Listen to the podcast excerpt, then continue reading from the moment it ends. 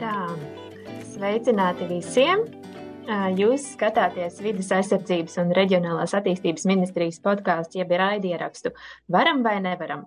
Un šodien mēs runāsim par valsts un pašvaldību vienoto klientu apkalpošanas centriem. Kas tie tādi ir, kādus pakalpojumus piedāvā, to šodien uzzināsim sarunā. Mani sauc Ieva Upīta Veiskate, un turpmākajās minūtēs sarunāšos ar ministrijas valsts sekretāru vietnieku digitālās transformācijas jautājumos Gati Ozolu. Labdien! Valsts sociālās apdrošināšanas aģentūras direktora vietniece klienta apkalpošanas jautājumos Ilzi Andersoni. Jā. Un eh, Siguldas novada Malpils pagasta valsts un pašvaldības vienoto klientu apkalpošanas centra tīkla konsultanti Daigu Frīdbergu. Jā, sveiki! Esiet visi sveicināti! Nu, sākumā sāksim uh, ar Gati, kā mēs iekšēji saucam valsts vienotos klientu uh, apkalpošanas centrs tādā garā nosaukumā VPV kats. Un ko tad šis garais nosaukums ietver un kā radās doma, ka šādi centri nepieciešami? Gati pastāst, un pēc tam lēnām pieslēgsim mūsu pārējās sarunas viešas. Jā, nu, patiesībā mēs varam saukt viņus par vienotajiem pakalpojumu centriem īsāk, bet aizsākums meklējams jau 2015.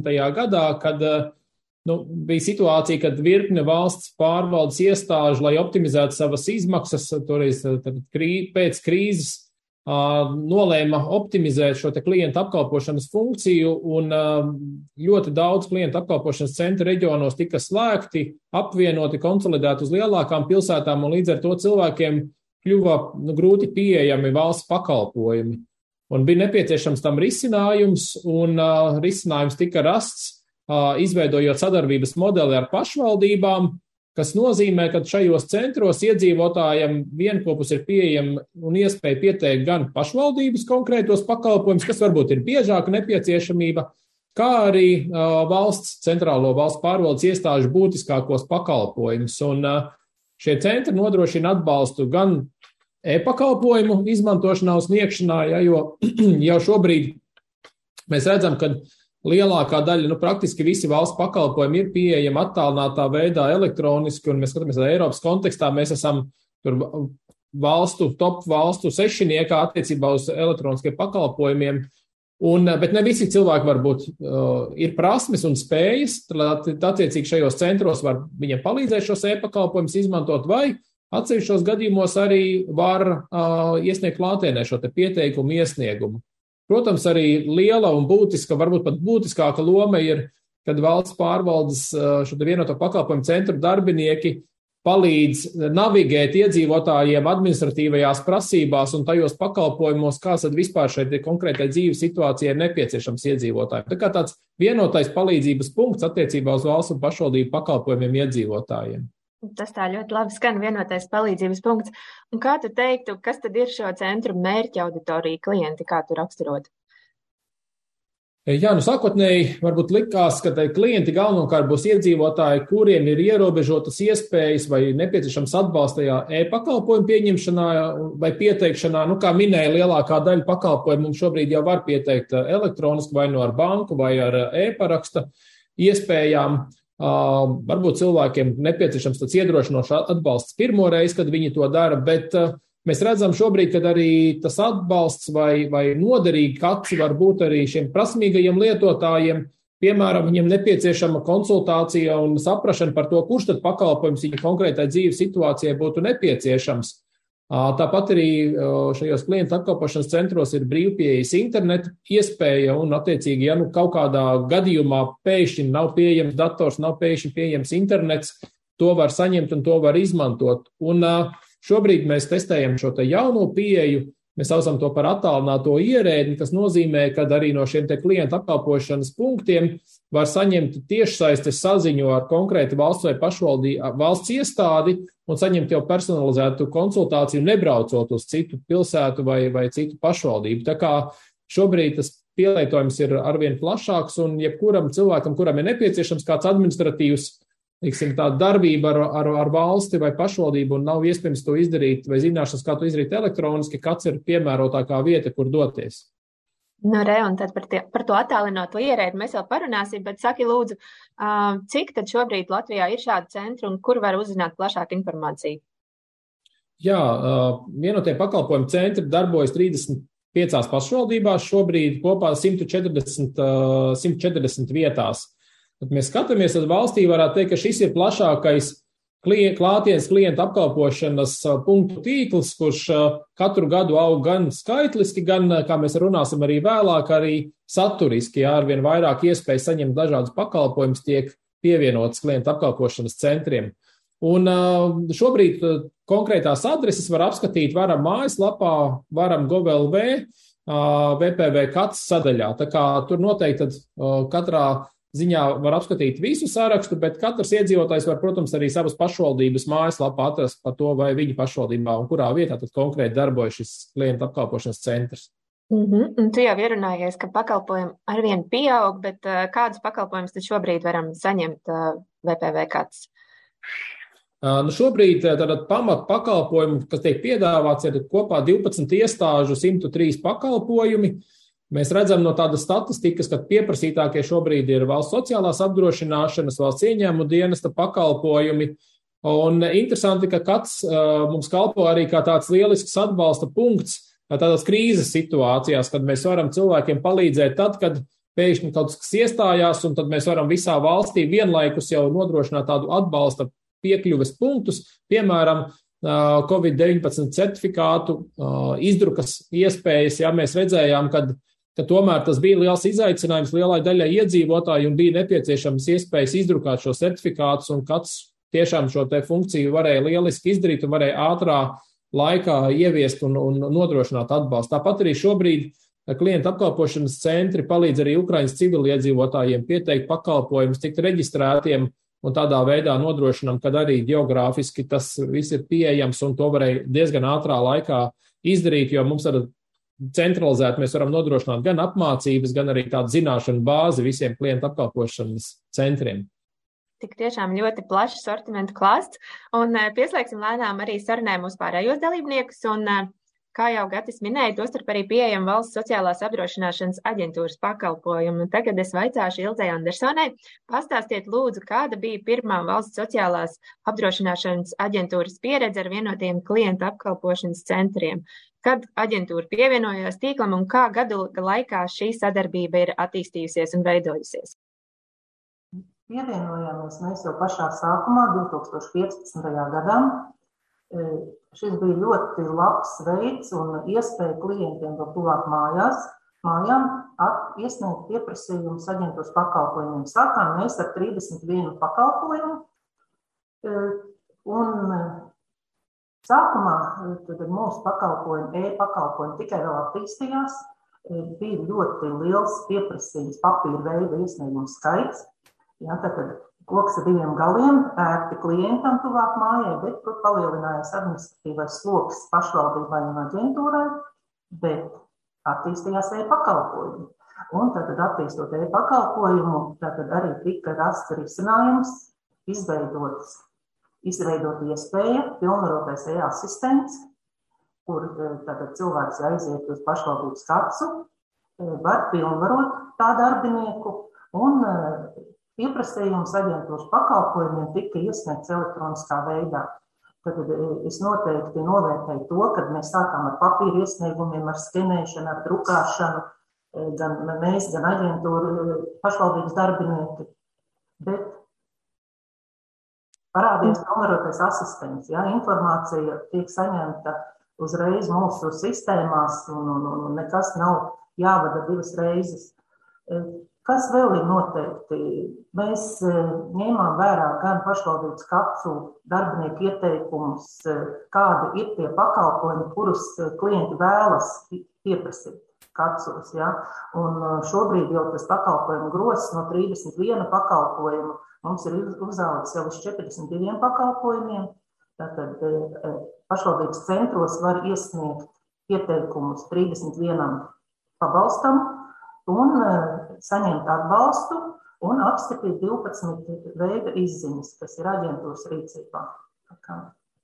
Tā kā viss arī attīstās arī jūsu pusē, un jūs minējāt to pilnvaroto ierēdni. Sakiet, lūdzu, vai tas ir tas pats, kas kā Gatis jau minēja, attālinātais ierēģi konsultācija, Ne, tas ir nākamais, tā ir nākamā labā lieta, kas ir izdarīta. Tātad pilnvarotais tā ir viena labā lieta, otra labā lieta ir tā, šis attālinātais ierēdnis, kad cilvēks var pieteikt klātienes apmeklējumu e, pašvaldības kapsā un sazināties ar iestādes darbinieku, kurš tad sniedz personizētu konsultāciju tieši par viņu tēmu. Ja?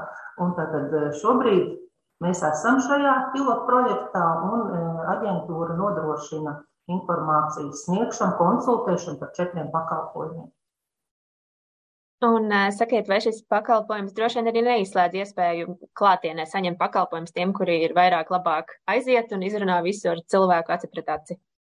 Jā, aģentūras klātienes apkalpošana nav pārtraukta, tad, tad mēs apkalpojam klientus pēc iepriekšējā pieraksta izvēlās sev tuvāko klientu apkalpošanas centru un vienojās par apmeklējumu laiku. Un sakiet, vai jums arī kāda statistika, cik, cik daudz izmanto to jauno pakalpojumu attālināto ierēdni?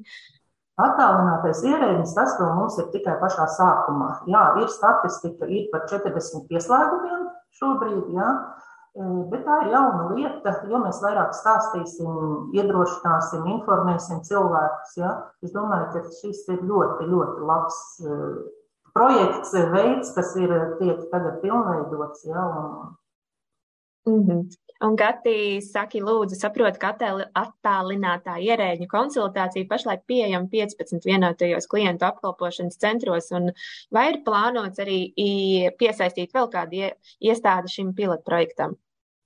Jā, nu noteikti, jo nu, katram pilotu projektam kaut kādā brīdī ir jānonāk līdz uh, projektam vai risinājumam bez šī vārdiņa pilots. Un, uh, tā kā mēs sākām ar trijām, šobrīd tātad 15, un šobrīd pilotu projektā ir iesaistījušās trīs iestādes, ja, kas šo nodrošina sociālās apdrošināšanas aģentūra, jau kā jau minēja, valsts ieņēmuma dienests un valsts zemes dienests. Un katrā ziņā mēs redzam, ka tādā vidējā termiņā šim attālinātajā ierēģiņa pakalpojumam būtu jākļūst par katras iestādes pamatpakalpojuma groza dal, nu, sastāvdaļu un jānodrošina šīs iespējas iedzīvotājiem, iespēja sazināties ar iestādi, nedodoties uz viņu klātienē, uz vienu vai otru pašvaldību. Tā kā šobrīd tas, ko mēs darām, mēs no vienas puses pakāpeniski arī arvien vairāk šos klientu apkalpošanas centrus aprīkojam ar nepieciešamajiem tehniskajiem risinājumiem, jo tam ir nepieciešams gan papildus kameras, gan tādas dokumentu kameras, ja, lai varētu arī dokumentus, ja nepieciešams, parādīt. Un uh, paralēli tad uzrunājam arī valsts pašvaldību iestādes tīri, lai, lai izvērstu arī papildus pakalpojumus šajā attālinātā ierēģņa klāstā. Tas mūsu mērķis ir nodrošināt, lai iedzīvotājiem pēc iespējas uh, veidot tādu līdzīgu pieredzi, kā tas ir klātienē. Viņš var aiziet, viņš var iesniegt iesniegumu, bet tāpat laikā viņš var arī vienkārši pajautāt, pakonsultēties par savu gadījumu, un to ir jābūt iespēja izdarīt arī attālināt. Tas ir tas pamat, pamat, pamat komplekss, kas katrai iestādē būtu jāsniedz jau ar laiku. Un saki, cik jauns pilotprojekts tas ir, cik sen jau mums tāds? Šobrīd pāris gadus darbojās. Mm -hmm. Droši vien arī Covid ir palīdzējis visiem mums kļūt attālinātākiem vairāk nekā mēs to varbūt dzīvē gribējām. Bet uh, pavaicāsim tālāk jautājumu. Vai kāds ir jūtams palīgs sociālās apdrošināšanas aģentūrā ikdienā? Ilze, sakiet, kā jūs jūtat? Noteikti, noteikti. Pirmais jau tiešām ir tas pārklājums. Ir ļoti, ļoti daudzas vietas, ja, kur cilvēks var izvēlēties sev tuvāko. Neviena iestādē nav tik liels pārklājums, kā ir vienotiem klientu apkalpošanas centriem. Gads jau pieminēja, ka pašvaldības centrus ļauj ļoti operatīvi norēģēt uz dažādām izmaiņām likumdošanā. Arī mēs izmantojām pašvaldības kacus, tad, kad bija gada sākumā šī energoatbalsta iesnieguma pieņemšana, ja, tad, tad tas bija tie paši Ukrainas civiliedzīvotāji pabalsti. Atspējs ir, jā, un tieši dēļ tā pārklājuma un, un tieši tad varam būt ļoti elastīgi. Jā. Mm -hmm. Un sakiet, vai jūs redzat arī vēl kādas attīstības iespējas, kā uzlabot esošo sadarbību? Varbūt jau redzat, kur varētu kaut ko uh, papildināt. Jā, es noteikti gribētu, lai šīs attālinātais ierēdnis turpina to savu darbību, ja, ka mēs viņu varētu pilnveidot un paskatīties, vai nepieciešams šos pakalpojumus vēl kādu skaitu pielikt. noteikti mēs iesniegsim lūgumu. Tad mums ir jauns e-pakalpojums, mums ir jauns e-pakalpojums VSA izziņas un pakalpojumu. Šis ir moderns, jauns, personificēta vide. Tad cilvēks pieslēdzās ar saviem datiem, viņš nokļūst vidē, kur ir visa informācija par viņu, kāda ir VSA rīcībā. Un, un, un tur var gan pieprasīt pakalpojumus, gan apskatīt izziņu, gan eh, prognozēt eh, pakalpojumus, jo tur ir, tātad, ir izvietoti šobrīd trīs kalkulātori, bet ir plānots vēl. Un eh, mēs noteikti gribam, lai pašvaldības kāds darbinieki, kā līdz šim, palīdz orientēties e-pakalpojumos, un mēs ļoti gribam, lai pakal, pašvaldības darbinieki iedrošina, pastāsta, parāda, ja, kur skatīties. Ja, un, Tas noteikti ir tas, ko mēs zinām, ka mēs vēlamies iekļaut pakalpojumu grozā, ir šis mūsu jaunais pakalpojums, vēsā izziņas un pakalpojumi. Paldies, un Gati, kā, kā tev, vai arī zini, ko varētu papildināt nākotnē? Var tikai piekrist jau, ko minēja Ilza no Sociālās apdrošināšanas aģentūra, jo kopā ar Sociālās apdrošināšanas aģentūru patiesībā lielā mērā mēs esam jau šos pakalpojumus veidojuši un attīstījuši, jo viņi bijuši vienmēr tas mūsu uzticamais sadarbības partneris kāds tīkla izvēršanā. Bet nu, tas, ko noteikti var, varētu skatīties, kas ir, nu, varbūt vēl pakalpojumu gros varētu paplašināties, ja kurus konsultēt caur šo attālināto ierēģi Un tad jau tālāk mūsu darbīši ar pašvaldībām, lai izvērstu attiecīgi arī uz arvien lielāku pašvaldību loku, kurās tas ir pieejams iedzīvotājiem, kuri var baudīt šīs tērtības, un arī, protams, runāt ar papildus iestādēm, lai visu iestāžu pakalpojumu ar laiku būtu pieejami arī šādā formā. Paldies, un uh, Ilzies vēlējos jums vēl vaicāt. Sakiet, uh, kā tiek vērtēta vienoto klientu apkalpošanas centru tīkla geogrāfiskā izvērtēšana? Man atliek tikai atkārtoties. Tas ir ļoti labs, ļoti plašs, ļoti pozitīvi. Ja? Skaidrs. Un, vai jums arī saskatāt iespēju deleģēt visu pakalpojumu pieteikšanu ar mazāk digitāliem iedzīvotājiem, lai viņi būtu lielāks atbalsts tiem, kuriem ir grūtības pieteikt visu digitāli pašiem? Bet tā, tas jau droši vien arī ietilps tajā attālinātajā ierēdnī, ko mēs iepriekš vēl pārunājām. Jā, jo, manuprāt, visa lielākā daļa aģentūras pakalpojumu, kurus var iesniegt pieprasījumus, kurus var iesniegt ne, ne, nepievienojot kaut kādus papildu dokumentus, ja, tad visa aģentūras pakalpojumi jau mums ir šeit pašvaldību grozā. Ja, Nu, re, un tad parunāsim par to grozu, un kurš tad ar to grozu ikdienā strādā. Mums te arī ir trešā, ceturtā sarunas dalībniece Daiga Frīdberga, un jūs esat Mālpils pagasta vienoto klientu pakalpošanas centrā darbiniece. Ikdienā strādājat ar cilvēkiem, kas nāk pie jums konsultēties, prasīt, jautāt un sakiet, noraksturiet mazliet savu ikdienu, kā tad viss notiek un un vai cilvēki atrisina to, ko vēlas atrisināt, kad pie jums atnāk? Jā, labdien! Ikdiena diezgan, diezgan noslogota, it sevišķi pēdējā laikā, kad ir daudz vairāk arī šo jauno pakalpojumu, bet tas klients, kas nāk, tas ir vidēji gada vecuma, teiksim, klients. Lai gan arī tagad ar vien jaunāki cilvēki nāk, un par to es brīnos, jo parasti domā, ka nu, tikai pensionāriem kaut ko vajag no pašvaldības vai no valsts tiem pakalpojumiem. Tā nav.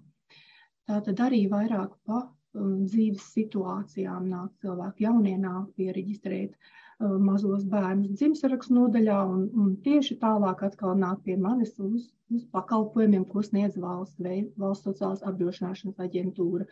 Nu, tādā veidā mēs sekojam līdzi tām vajadzībām, kas ir klientam, nu, apkalpojam, cik nu varam. Ļoti interesants darbs. Droši vien katrs klients nāk ar savu jautājumu, jābūt ļoti uh, tādam spējīgam orientēties vairākās jomās. Jā, tas uh, jomu apjoms pašlaik ir ļoti liels. Tad, kad 17. gadā es uzsāku darbu valsts, klien, valsts un pašvaldību klientu centrā, uh, nebija tik daudz jādomā un tik daudz jāmācās. Ja nesen apkopoju, kādas tad ir bijušas, teiksim, pēdējā gada mācības, man jau ir 15 semināri. Tas ir liels apjoms, kas ir jāapgūst. No rekā un sakiet, vai jums ir kāda statistika par to, cik tad cilvēku mēnesī apmeklē jūsu klientu apkalpošanas centru? Jā, mm, vidējais skaits mēnesī ar gadu no gada pieauga. Sākumā tie bija nedaudz, 80, 100, un tad um, kāpa 20. gadā, kad mēs vēl bijām kāds višķi māpils novads, um, šī mūsu statistika Mm, bija augusi krietni. Mēs bijām viena no sekmīgākajiem pierīgā arī, bet to es saistu ar to, ka bija jau cilvēki pieraduši un zināja, ko var šeit saņemt un kādus pakalpojumus. Tagad saistībā ar gan ar Covid, gan ar novadu reformu, gan ar e, Ukrainas bēgļu pieplūdumu, tāpat arī šiem te uh, valsts atbalsta mājasemniecībām, kas ir energoresursu sadārdzinājumu kompensēšanai, ļoti liels pakalpojumu skaits, tuvojās jau trim simtiem. Tas, tas ir diezgan daudz. Vienīgais labums, ka tagad uh, esam divas darbinieces, jā, tātad slodze nav tik liela, mēs tiekam galā. Tas ir, to ir prieks dzirdēt, ka ir arī papildrokas. Un uh, sakiet, uh, nu, jūs jau minējāt visādus pakalpojumus, bet kas tad būtu varbūt tie pieprasītākie jūsu tieši centrā pakalpojumi no iedzīvotāju puses? Māpilī līdzīgi kā visā valstī populārākais ir tieši VSA pakalpojumi, tie ir slimības pabalstu pieprasījumi. Uh, vecuma pensiju pārreikināšana ir ļoti populāra arī Māpilī. Um, tā paskatoties pēdējā gada skumīgs, bet apbedīšanas pabalsti, kas nāk arī labprāt, jo vecie cilvēki arī šeit uz vietas, viņiem ir drošāk, viņi arī kārto visu to saistīto paketi ar šo te dzīves situāciju. Um, tad Ukrainas iedzīvotājiem pabalsts bija ļoti uh, nu, daudz, mēs izpildījām. Um, tas bija izaicinājums arī, ka tomēr bija jārunā citā valodā, mēģina jāsaprast visi, visi cilvēki. Ja. Tad e, ir tāda lieta, ka um, mm, ir papīra veidā iespējams tikai klienta centrā iesniegt šos te izmaksas adreses maiņa vai bankas kontu maiņa. Ja, to attālināti nevar pagaidām izdarīt. To tad, ja kādam ir šī vajadzība, tad nāk pie mums. Nu, protams, valsts ieņēmuma dienesta konsultācijas sevišķi deklarācijas iesniegšanas laikā. Uh, man ir prieks, ka ir e-asistents šajā, šajā variantā, jo mm, pie, pie 200 apmēram iesniedz uh, tādā pavasara periodā.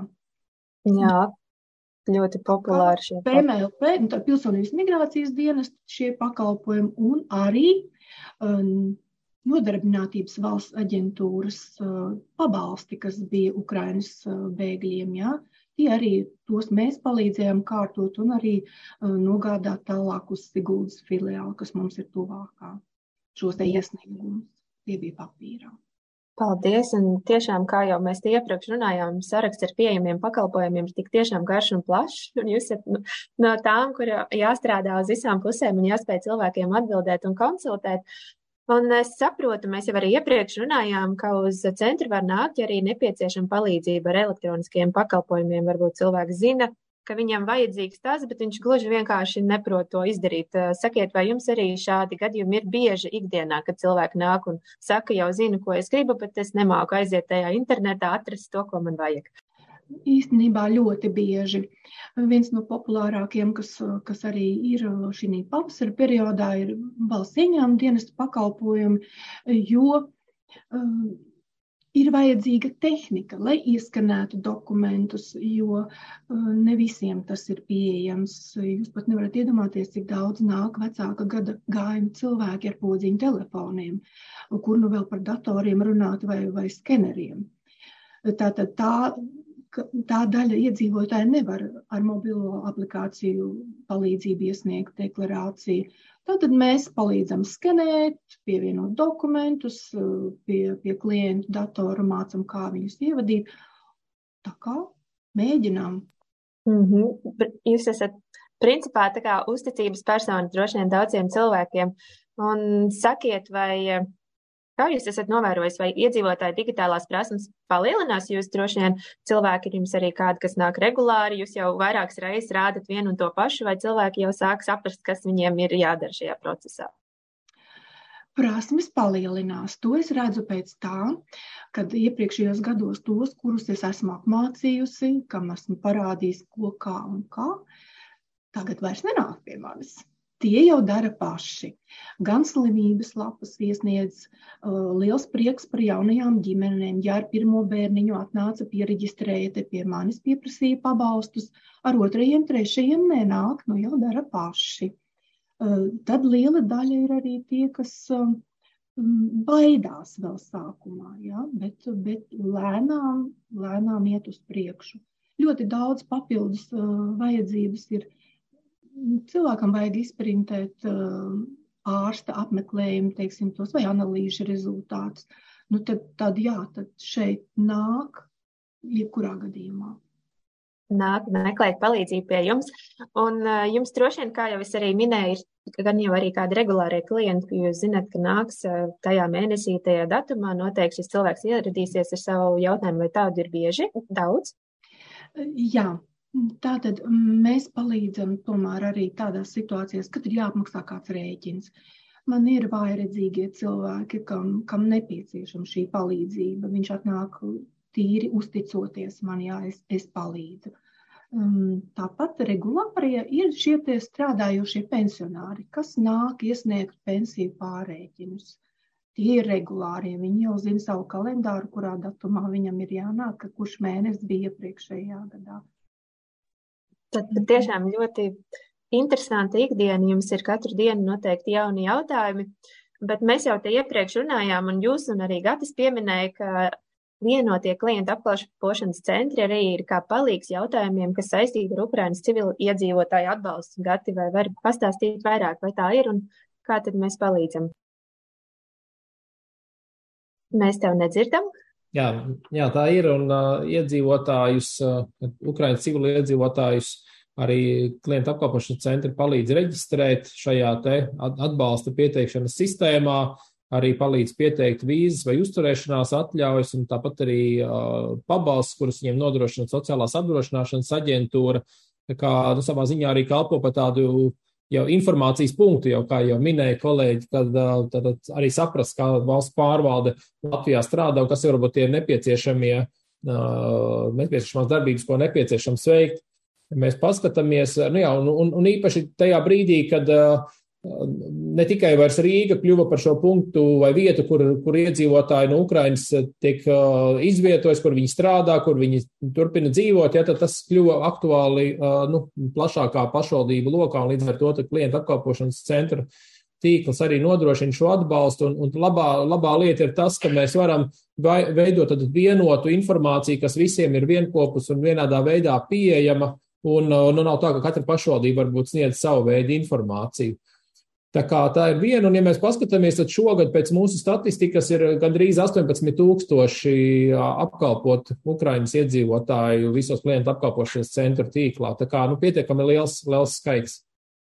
Paldies, un tagad jūs jau minējāt, bet atgādiniet, vai jums arī bieži nāk tieši šajā jautājumā cilvēki interesēties? Jā, nāk Tagad pēdējā laikā nāk tie, kas tā kā mazāk bariņos atbrauc, jā, Pavasarī bija trakāk, jo bija ļoti liela plūsma, kam vajadzēja kārtot dokumentus. Siguldas novads gan operatīvi reaģēja un izveidoja Siguldā centru, kurā bija visu mm, dienestu speciālisti, kas uh, vienā tajā pašā dienā palīdzēja noskaidrot Ukraiņas iedzīvotājiem, kas viņiem ir nepieciešams, kādi dokumenti. Tad tas viss notika kompleksi. Ja šeit Māpils klientu centrā nāca vairāk jau pēc pabalstu pieprasījumi, tad tā reģistrēšana mazāk. Jā, tagad atbrauc, tos mēs reģistrējam fizisko personu reģistrā un tālāk virzam viņus jau uz vīzu saņemšanu jau tālāk un arī par sociāliem pabalstiem tālāk visu uz citiem dienestiem.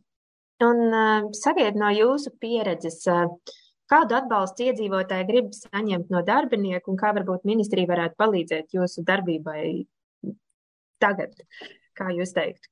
Jā, ir, ir tādas lietas, kas, kas parādās tieši uh, darbā, kad tu saproti, ka kaut kas bremzē. Tāda viena lieta ir valsts sociālās apdrošināšanas aģentūrā pensijas apliecības. Jūs saprotat, tur ir vajadzīgs foto, tāda kā vienkārša lieta. Bet man ļoti daudz klienti saka, kur lai es to daru? Jo Siguldā nav, tātad tuvāk nerunāt jau par Mālpili, Mālpils vispār ir maza vieta, ja? tad tas nozīmē, ka viņam dēļ tās fotogrāfijas jābrauc uz Rīgu. Varbūt to var kārtot kaut kādā citā tehnoloģiskā veidā, nezinu. Mm.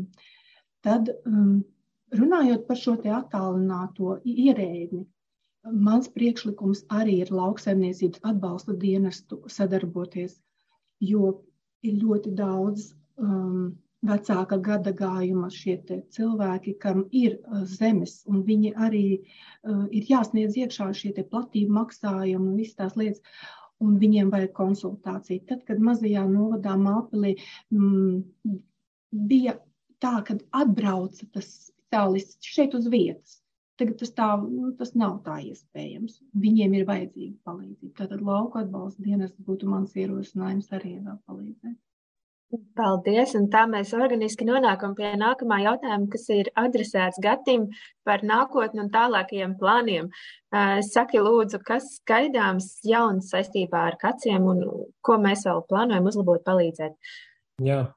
Nu, vir, vir, virkne dažādos virzienos mēs plānojam šo attīstību. Pirmkārt, uh, Mēs šobrīd strādājam pie, pie projekta, lai mēs varētu turpināt izvērst šo vienoto klientu apkalpošanas centru tīklu. Viņi būtu vēl tuvāk pieejami katram iedzīvotājam, tuvāk mājām. Ja tad ap, aptvert visas pašvaldības un aptvert arī ar vien plašāku šo piekļuves punktu izklājumu, ja, jo šobrīd pašvaldības mums kļuvušas lielākas un, un varbūt atsevišķos gadījumos šis te jaunais administratīvais centrs ir tālāk no iedzīvotāja nekā bija pirms tam, bet toties šos klientu apkalpošanas punktus, tos var veidot jau blīvāk, un tur nav nepieciešams viss administratīvais centrs. Ja? Tad to mēs varam veidot gan uz esošo eh, klientu apkalpošanas centru bāzes, gan arī sadarbojoties un piesaistot arī bibliotekas un varbūt palielinot arī biblioteku lomu šajā, šajā, šajā aspektā. Tā kā tas ir viens virziens, kurā mēs strādājam. Otrs virziens, protams, runāt ar, ar valsts iestādēm un arī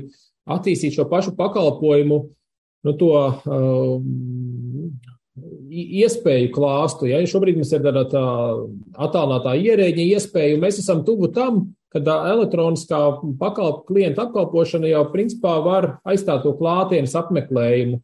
Un uh, tas, kas mums uh, nu, šobrīd ir nepieciešams, arī izvērst šo iespēju visos klienta apkalpošanas centru tīklos un un strādāt valsts iestādēm, lai visu valsts iestāžu visos pakalpojumos šī iespēja būtu pieejama iedzīvotājiem. Ja, viņam tad jau būtu principā vienalga, vai tā iestāde dzīvo Rīgā, vai viņa dzīvo Daugopilī, vai Cēsīs, vai Ventspilī, viņš aiziet uz savu tuvo klientu apkalpošanas punktu.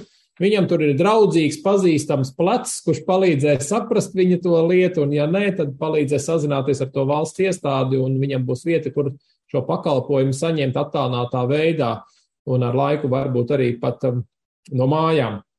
Tā kā tas ir viens, un šobrīd arī šogad ir uh, attiecīgi arī pieņemts lēmums valdībā par to, ka visām valsts uh, iestādēm ir jāsāk plānot, kā ilgtermiņā, nu, vidē, patiesībā vidējā termiņā nodot savu klientu apkalpošanu uz šo te vienoto klientu apkalpošanas centru tīklu, jo, kā jau minējām, šobrīd šis ir plašākais centru tīkls, un tas iestādes ieguvums tādā ziņā ir, kad visi pakalpojumi tiek, ir pieejami uzreiz plaši visā Latvijā, tiek nodrošināta profesionāla klienta apkalpošana, kā jau minējām, kolēģiem ir daudz mācības arī, ja, un, un dažādi citi pasākumi, kad, kad tas mums veidoja tādu profesionālu klientu apkalpošanu iedzīvotājiem un iestādēm paliek un iespēja rūpēties tikai par šo te savu pamatu pakalpojumu nodrošināšanu.